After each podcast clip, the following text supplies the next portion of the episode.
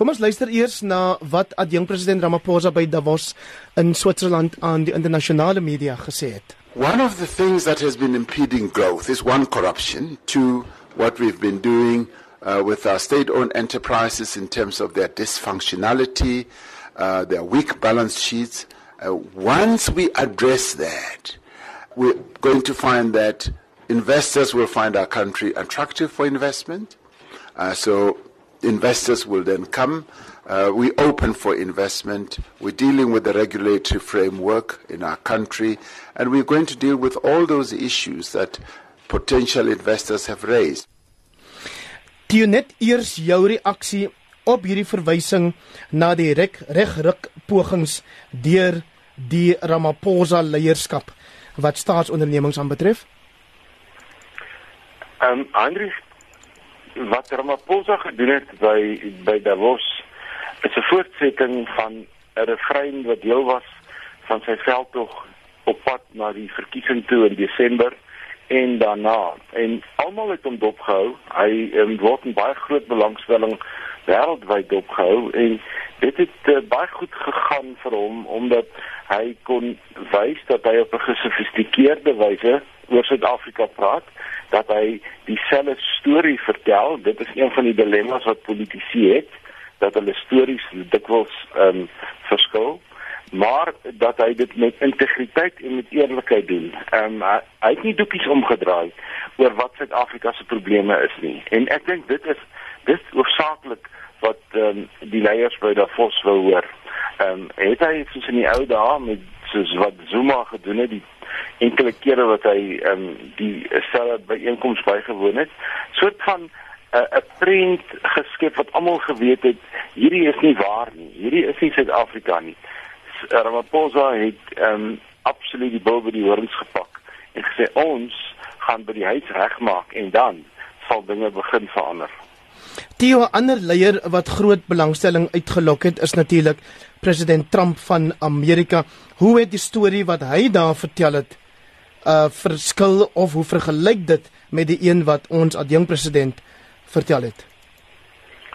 Trump het twee ek twee persoonlikhede. Hy kan of die bruske politikus wees wat ehm um, van die begin af polities onkorrek optree. Dit is al 'n kenmerk geword van sy presidentskap of hy kan hierdie sagte soort ehm um, oorredende persoonlikheid aanneem. En hy het nou by Davos laasgenoemde ingeneem, maar op hierdie sagte manier probeer sê ehm um, alles wat ek doen, doen ek in die eerste plek vir Amerika maar nie vir Amerika alleen nie. Ek doen dit maar in die eerste plek vir Amerika en so het sy toespraak hier aangegaan.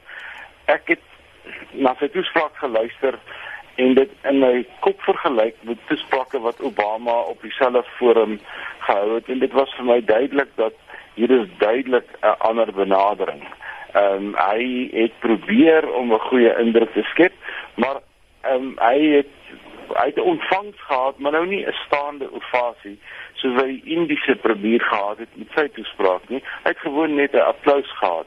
Ongelukkig het Donald Trump se toespraak nie, dink ek kan die vereistes voldoen wat iemand wat 'n wêreldleier is en 'n land verteenwoordig wat 'n wêreldleier is, ehm um, gehad nie. Hy het meer 'n 'n naverkiesingstoespraak gehou op 'n internasionale verhoog 'n jaar nadat hy president geword het byna iets soos 'n State of the Union toespraak, is dit nie? Ja, en dit moet hy in elk geval oor 'n dag of twee hou, sy eerste een nadat hy president geword het, wat ons waarskynlik dieselfde goed gaan hoor. Ehm um, uh, kwessies oor immigrasie, kwessies oor Amerika se ekonomiese posisie, kwessies oor aanvegbare um, vraagstukke rondom die Amerikaanse ekonomie vis-à-vis -vis ander lande. Donald Trump is net eenvoudig 'n ander soort speler in hierdie bedryf en die normale verwagting. Was is 'n uh, is 'n spesiale plek om by in te kom. Daar's baie forums in die wêreld waar politieke leiers en besigheidsleiers van tyd tot tyd met mekaar praat. Party is formeel soos die VN, ander is informeel, maar hierdie een het oor jare die die ehm um, sleutel byeenkomste geword vir besigheidsleiers elke jaar. En daar word van leiers 'n sekere soort um, status en 'n sekere soort posisie verwag. Ehm um, ons president wat al van tevore daar was, het in my boek uitstekend gevaar. Donald Trump het minder goed gevaar. Hy het selfs 'n boe of twee gekry uit die gehoor uit. Jy bedoel ons adjunk president. Kom ons luister na nog 'n klankgreep van Ramaphosa aan die internasionale media toe. One, we are now going to go to the depths of what uh, corruption has been taking place in our state-owned enterprises. I think that is a huge plus. Uh, two, we've got an independent judge who's going to look at all this. And three, this process will go along in tandem with uh, the process that needs to be followed through by the criminal justice system of identifying those who have committed wrong and making sure that they are brought to book. Nou die adjunkt president het daardie woorde 'n huge plus gebruik. Hy of sy leierskap of teenwoordigheid word ook deur die markte as 'n groot pluspunt beskou. Dawie Klopper van PSG het vanoggend gesê die mark reageer baie positief op meneer Ramaphosa se teenwoordigheid, maar om die positiwiteit te behou, moet hy nou president raak. Dit lyk my jy jy het al klaar in jou kristalbal gesien dat dit binnekort kan gebeur te jou. Ja, nee, dit is 'n fout om hom president te noem, maar ek dink dit is wat ons in praktyk sien um, aan die gebeur is is dat alhoewel hy adjunkt president van die land is en president van die regerende party, um, is hy vir alle praktiese doeleindes eintlik in beheer. Ons is ons ons sien die uit die optrede van ons huidige president, president Zuma, dat um, hy baie min beweegruimte het en mense al hoe meer antisipeer oor wat meneer Zuma moet doen en Dawie is heeltemal reg in sy in sy antisipering daarvan.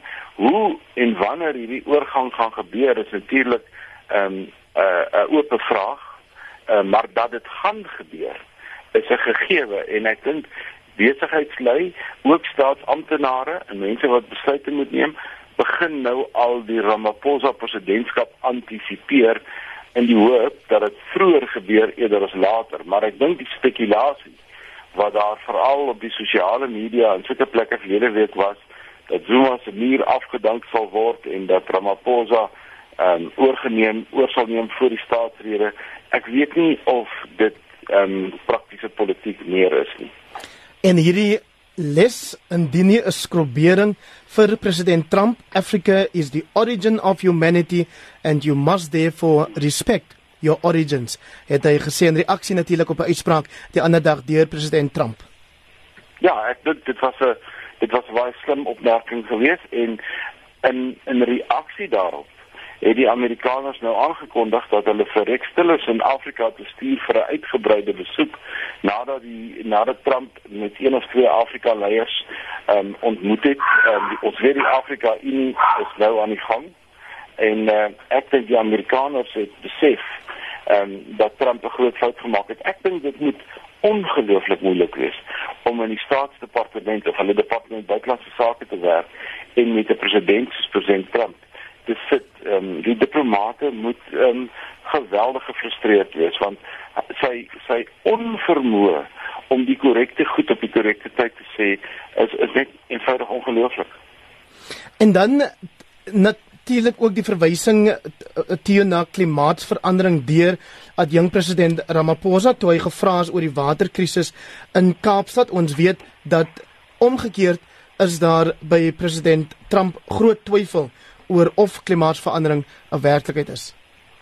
Ja, Trump probeer dit wegsteek. Hy's 'n sinikus en die mense wat hom ondersteun is almal ehm um, baie sinies ehm um, en as jy na sy tweets kyk, selfs die die die een wat hy probeer 'n grappie van maak het toe dit daar 'n front deur die noorde van Amerika getrek het 'n week of twee gelede, het hy getweet ehm um, wil julle nie uh, weer weer keer 'n bietjie kyk na aardverwarming nie of het julle dit nie nou dalk nodig nie 'n staatsman doen eenvoudig nie sulke goed nie.